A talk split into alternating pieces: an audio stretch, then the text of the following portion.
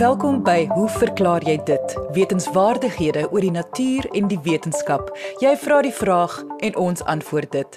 My naam is Lise Swart en ons paneelkenners vandag is teoretiese fisikus professor Hendrik Geier, herpetoloog professor Lefras Mouton en dierkundige professor Sewil Daniels. In vandag se episode gaan ons kyk na vrae wat handel oor slange wat soos akedisse lyk of akedisse wat so slange lyk.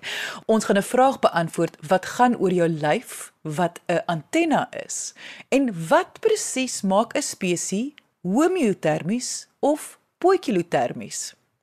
Onthou as jy 'n vraag het, stuur jou e-pos na lise, dis L I S E by rsg.co.za. Ons eerste vraag word gevra deur Laura Joubert en geantwoord deur herpetoloog professor Lefras Mouton. Laura het 'n foto van 'n slang met stekeltjies wat soos kort pootjies lyk gestuur. Hulle het hom by die Landroskop oornaghut in die Hottentots Hollandberge gevind. Sy wil weet of dit wel 'n slang is. Nou, Lefras, wat 'n snaakse gedierte is hierdie? Ek kyk nou ook na die foto en hy lyk soos 'n slang, maar ek sien ook die kort pootjies. Ja, Lise, dit is inderdaad 'n baie snaakse akedus want hy het pootjies. Dit is die Kaapse grasakedus, Camaisara anguina. Ek weet seker mense praat ook sommer van 'n slangakedus. Daar's 3 spesies van grasakedisse in Suid-Afrika. Nou die Kaapse grasakedus Hy word so 40 cm lank en van daardie 40 cm is omtrent 'n 3 kwart is net stert en die lyf is maar so 'n kwart. Natuurlik, jy kan nie die oorgang tussen die stert en die lyf sien nie. Dit is net so 'n lang slang liggaam. En dan die pootjies is baie kort. Dit is net sulke stekeltjies en soms wanneer die akedus nou beweeg, dan is daai pootjies teen die lyf gevou en dan kan mens hulle amper nie raak sien nie en dan sal jy dink dit is 'n slang.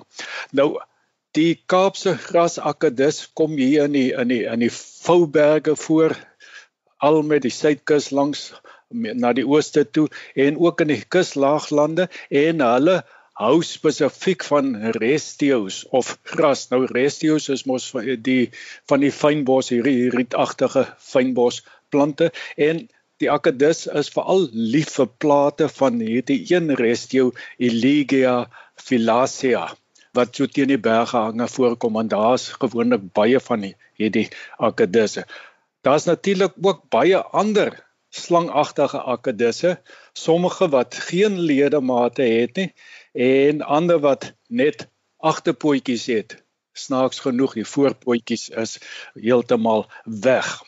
Soos jy nou self gesê het, die pootjies is baie kort en mense kan seker van 'n afstand aan maklik vir hulle miskyk. So nou wonder ek, is daar ander maniere hoe 'n mens sal nou weet goed jy hoef nou nie te veg te hardloop nie, dis 'n akedus, dis nie 'n slang nie. Ja, dit is veral as die pootjies so teen die lyf gevou is, dan is dit seker nou moeilik om te weet is dit nou 'n slang of 'n akedus. Maar een maklike manier, uh, slange alle slange, hulle skiet die hele tyd daai gevurkte tongetjie of tong uit om die om die omgewing te toets of te ruik.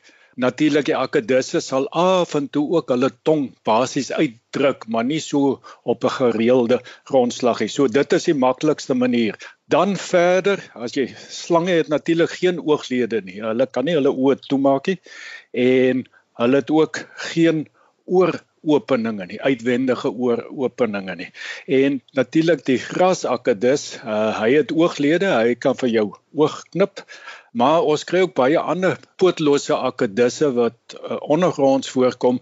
By hulle is die ooglede ook afwesig. Die die ooglede is eintlik versmelt met mekaar en dit vorm dan nou so 'n deursigtige skip oor die oog. As mens nou 'n dooie slangagtige dier kry, dan kan jy hom seker optel of omrol op die rug en as daar so 'n enkel ry breë skubbe voorkom op die maag dan is dit definitief 'n slang nê nee, want hierdie ry skubbe speel 'n groot rol by voortbeweging van die slange. By akedisse is daar klomp rye skubbe. As jy 'n knipmesie daarby het en jy wil die slangagtige dier wil dissekteer binne-in sal jy sien 'n slang het geen skouerbene of skouergordel of bekkengordelbene nie en die akkedisse het sulke bene. Dit is sommer nou net so 'n paar uh, dinge wat ons kan gebruik, maar die gevurkte tong, dit is 'n 'n baie uh, goeie 'n kenmerk om te gebruik in die geval van 'n slang. Lefras, hoekom sou akkedisse hierdie slang voorkoms ontwikkel het? Boots hulle dalk slange na om vyande af te skrik of is dit om mekaar aan te lok? Nee, dit is beslis nie om om om uh, as 'n afskrikmiddel nie. Uh daar's twee habitat tipes waar 'n verlengde slangagtige liggaam baie voordelig is. Die een is dan nou so 'n gras restio habitat en die ander een is ondergronds, veral in sand. Nou in die gras restio tipe habitat is natuurlik baie ryk aan insekte om hierdie insekbron of voedselbron effektief te kan benut moet die akedus bo op die gras gestit wees. En nou 'n gewone akedus met 'n kort lyfies kan ons nou nie teen die gras uitklim om bo te kom nie. Hy sal die, die gras sal buig en hy sal die heeltyd afval onder toe. So die lang slangagtige liggaam help hier of maak dit vir hierdie akedus moontlik om bo op die gras of op die restio's te lê. En dan ook die lang lyf stel hom in staat om om uit te skiet om prooi te vang wat 'n entjie weg is amper soos 'n verkleemannetjie se tong hulle lang lyf is amper ook hulle lang tong hulle verkleemannetjie tong nog 'n belangrike ding is uh, dat kronkelbeweging hierdie suidelingse kronkelbeweging net so slangbeweging is energeties baie goedkoop So hierdie akkedisse wat nou so verleng is in in die gras bly, hulle kan bo op die of in die gras of restio's basies swem. Ons praat van gras swem. Met so 'n kronkelbeweging kan hulle baie vinnig deur die gras beweeg. Wat baie interessant is is dat die grasakkedisse soos ek gesê het, het hierdie lang sterte. Nou die sterte is amper die propeller wat agter sit want die lug is mos nou dun en hulle kan nou maklik beweeg en die stert speel 'n groot rol. Ek moet ook sommer dan nou hierso dadelik sê dat ons slange is maar eintlik akkedisse wat lank ondergronds gebly het evolusionêr as hulle tydperk ondergronds en toe op 'n stadium het 'n spesies weer boogronds beginne lewe en as mens na 'n slang kyk, hy het hy het sy ooglede is weg en sy bene is weg en sy uitwendige ooropeninge is weg. Dit is alles aanduidings dat hy ondergronds gebly het. En presies wat sou die vyande behalwe nou die mens van die grasakkedis wees? Ek ek sou dink die die ge, gewone vyande is maar klein soogdiertjies, muisonne en en so aan en natuurlik ook ander slange omdat hulle bo op die restio's lê, is hulle reaksie wanneer daar nou 'n mens of enige ander dier kom, dan vlug hulle met spoed deur te gras swem. Hulle dit is nogal baie vinnig. Hulle met daai kronkelbeweging vlug hulle weg van die gevaar af. Omdat hulle nie weet wat onder op die grond aangaan of daar skuilplek is nie, gaan dit nie help om af te gaan grond toe nie, want daar is waarskynlik niks waaronder hulle kan skuil nie. So hulle vlug. Dit is baie interessant. Hierdie akkedisse het geweldige lang rugwervels en stertwervels. So hulle is redelik styf en dit is 'n kenmerk van van spoed. Slange wat baie vinnig is, het sulke lang wervels. So as jy hom nou sou vang en hanteer, hy is nie baie soepel nie. En dit dit maak dit ook vir hulle moeilik om dan nou 'n uh, ondergoede in te of 'n gate in te kruip of ondergoed te skuil want hulle is net is soos 'n styf 'n stywe stuk draad. Hulle kan wel op uh, kronkel, jy weet so in 'n sirkel oprol. Dit is maar al. Maar eintlik hulle grootste vyand is nie klein soog soogdiere en en die mens en uh slange nie, maar wel brande. Hulle uh, reageer presies dieselfde op brande as vir ander predatore. Hulle vlug voor die brand deur nou te gras swem. Nou hoe ver kan so akedus nou uh, so vlug? 40 meter seker op die meeste en dan haal die brand hulle in want die akedisse is nou uitgeput en dan brand hulle by die honderde dood. Dit is die snaakste ding dat hulle hulle probeer vlug vir die brand en hulle kan dit nie maak nie en hulle hulle brand dan dood. Hy sê tog hulle vras, maar hoe hoe kan 'n populasie dan oorleef as daar brand was? Die mense wat nou baie in die berge stap, sal ag dis mos nog maar elke jaar hierdie brande hier in die in die Weskaap, maar gewoonlik langs die voetpaadjies of enige ander pad kom die vlamme nooit by nie. Daar's altyd so 'n paar graspolle of uh, van die fynbosstukke kolletjies wees wat oorbly. So gewoonlik is daar maar 'n paar akkedisse wat wel per ongeluk dan nou by so 'n veilige, kom ons sê nou maar 'n refugium beland het waar hy dan nou kan oorleef. Maar alle eintlike aanpassings tot brande gaan oor broeiselgrootte. Hierdie akkedisse kry tot 17 kleintjies op 'n slag in vergelyking met die met die 1 tot 6 kleintjies van naverwante spesies, spesies wat nou aan dieselfde groep behoort. So hulle kry baie kleintjies en dan baie interessant, hulle voortplanting. Kyk al hierdie akkedisse plant mos maar gewoonlik seisoonaal voort gewoonlik hierso van die laat winter, lente, somer dan plant hulle voort. Die grasakkedisse plant dwars deur die jaar voort. Daar's maar altyd 'n wyfie wat dragtig is of swanger is. So dan as daar nou 'n brand kom, dan is die kanse goed dat een van die oorlewendes wel dragtig sal wees en dan so oor tyd dan word die populasie natuurlik nou maar weer opgebou. En dit was herpetoloog professor Lefras Mouton. Indien jy 'n vraag het, stuur jou e-pos na lise@rsg.co.za. Vandag het ons al die grasakkedis of slangakkedis bespreek en die verwoesting wat 'n bergbrand in hul spesies kan veroorsaak. Indien jy die gesprek gemis het, onthou jy kan die pot gooi op RSG se webwerf gaan luister. Gaan na rsg.co.za, klik op potgooi, die alfabet gaan voor jou verskyn, kies H vir hoe verklaar jy dit en luister enige van die vorige episodes. Nou is dit tyd vir ons tweede vraag van die dag, gevra deur Faitjie Jacobs en sy vraag word deur teoretiese fisikus professor Hendrik Geier beantwoord. Faitjie skryf: Lise, ek het 'n draagbare radiootjie wat ek ronddra om programme te luister. Die ontvangs verskil van plek tot plek in die huis wat ek aanvaar. Tog, soms is die ontvangs goed tot jy hom neersit en wegbeweeg, dan verdwyn dit. Sodra jy weer aan hom vat, is die ontvangs reg. Ek is bekend aan die spanlede en hulle sal weet ek dra nie te veel neusringe of oorbelle nie. Hoe kan my aanraking dan die ontvangs verbeter? Professor Geier So kom ek begin deur net te onthou radiogolwe vorm deel van die breë elektromagnetiese spektrum. Tipies is radiogolwe se golflengtes van 'n meter tot omtrent 100 km.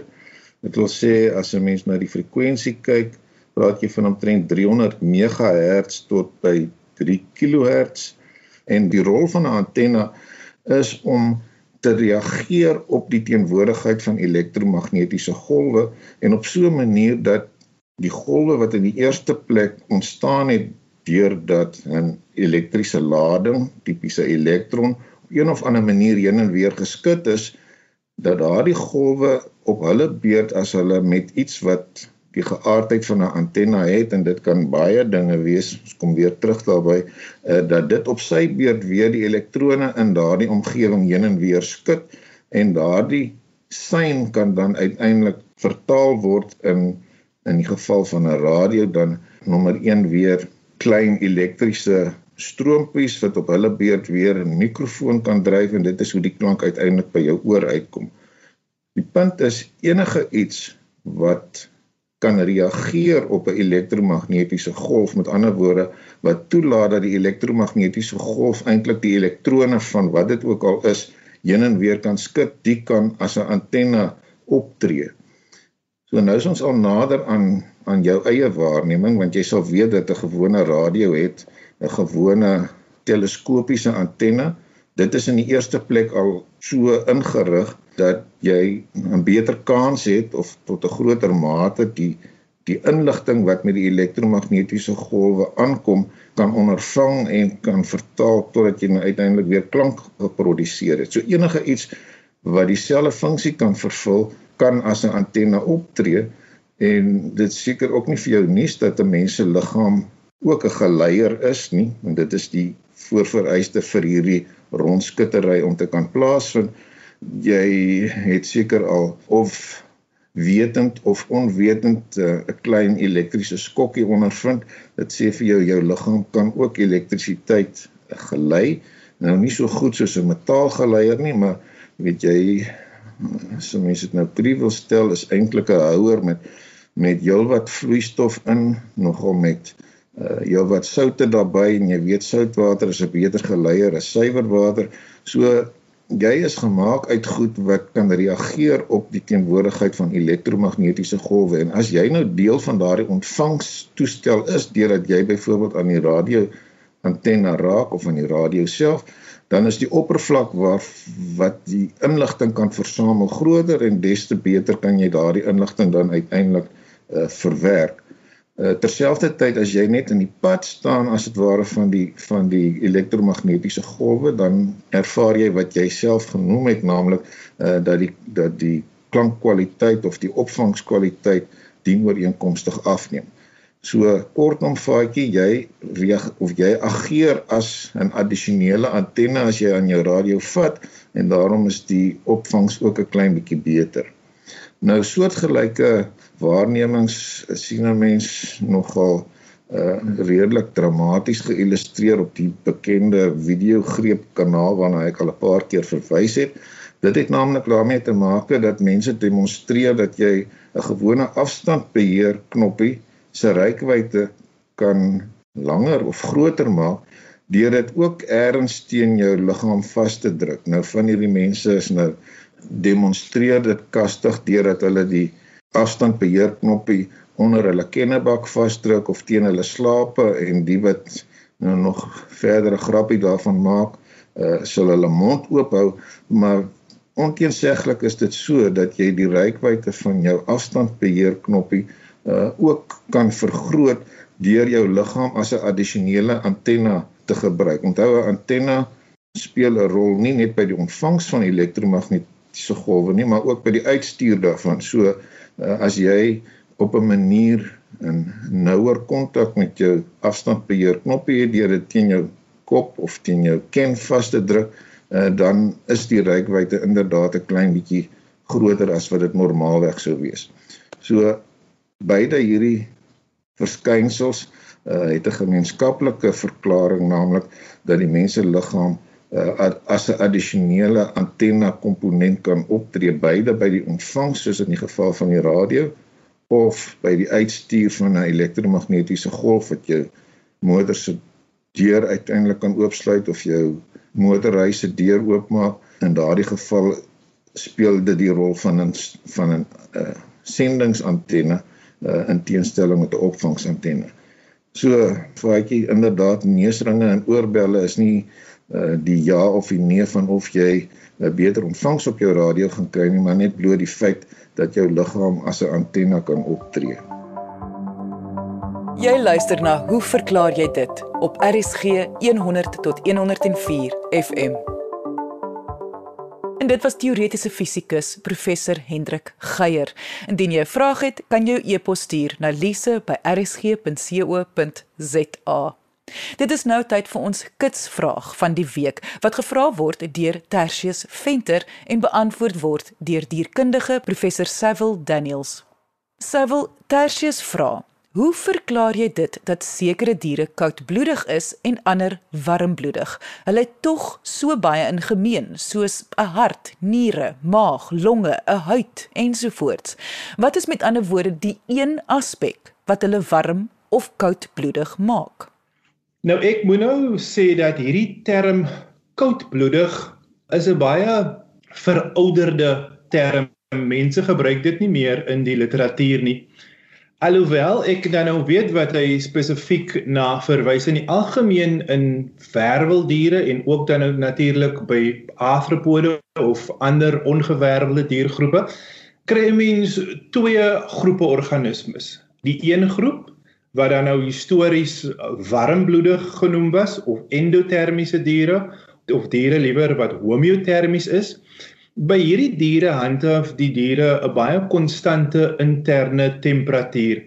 Goeie voorbeeld is byvoorbeeld soogdiere en voëls. Dis die enigste twee groepe wat dan nou endotermies of homeotermies is. Met ander woorde, hulle handhaaf interne um temperatuur. Koudbloedige diere wat die leser dan nou verwys na, is gewoonlik eksotermies of poikilotermies en by hierdie diere wissel die interne temperatuur gewoonlik saam met die van die omgewing omdat die dier uiteraard afhanklik is van 'n eksterne bron vir energie. In teenstelling daarbey by die endotermiese dier handhaaf die dier outomaties 'n konstante interne temperatuur. En beide van hierdie meganismes het voordele sowel as nadele. Voordele van warmbloedigheid of endotermie byvoorbeeld is dat die ensieme altyd optimaal werk gewoonlik rondom 37 grade en by hierdie diere is die diere dan nou onafhanklik van natuurlike klimaatsveranderinge. Byvoorbeeld in die winter kan soogdiere onafhanklik van die omgewing hulle interne temperatuur handhaaf. Maar daar is ook nadele betrokke by dit. As 'n mens nou mooi daaraan dink, as jy byvoorbeeld 'n koors het of wanneer jy siek voel, dan kan jou liggaamstemperatuur toeneem en net 'n paar grade verskil kan 'n baie negatiewe impak hê op die ensimale funksie in jou liggaam. Die een nadeel van endotermie uiteraard ook is dat dit 'n baie energie uh, rykende proses is. Met ander woorde om 'n interne temperatuur of 'n redelike konstante interne temperatuur te handhaaf, moet jy dan nou ook baie um, energie verbrand wat die dier dan nou in die vorm dan nou van hitte aan die omgewing gaan essensieel afgee. So dit is waar dat daar nou in die in die ou dae was daar verwys na warmbloedig en koudbloedig.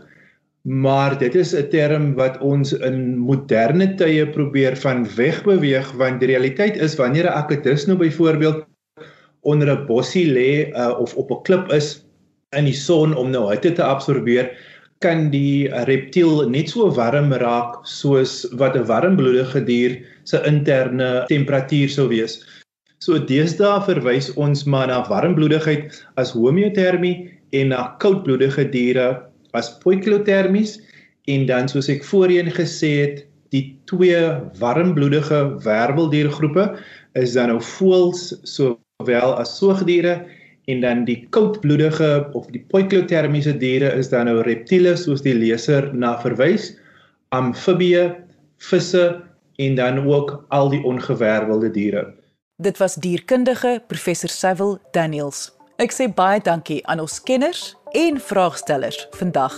Lekker dag verder tot volgende week net hier op RSG. Totsiens.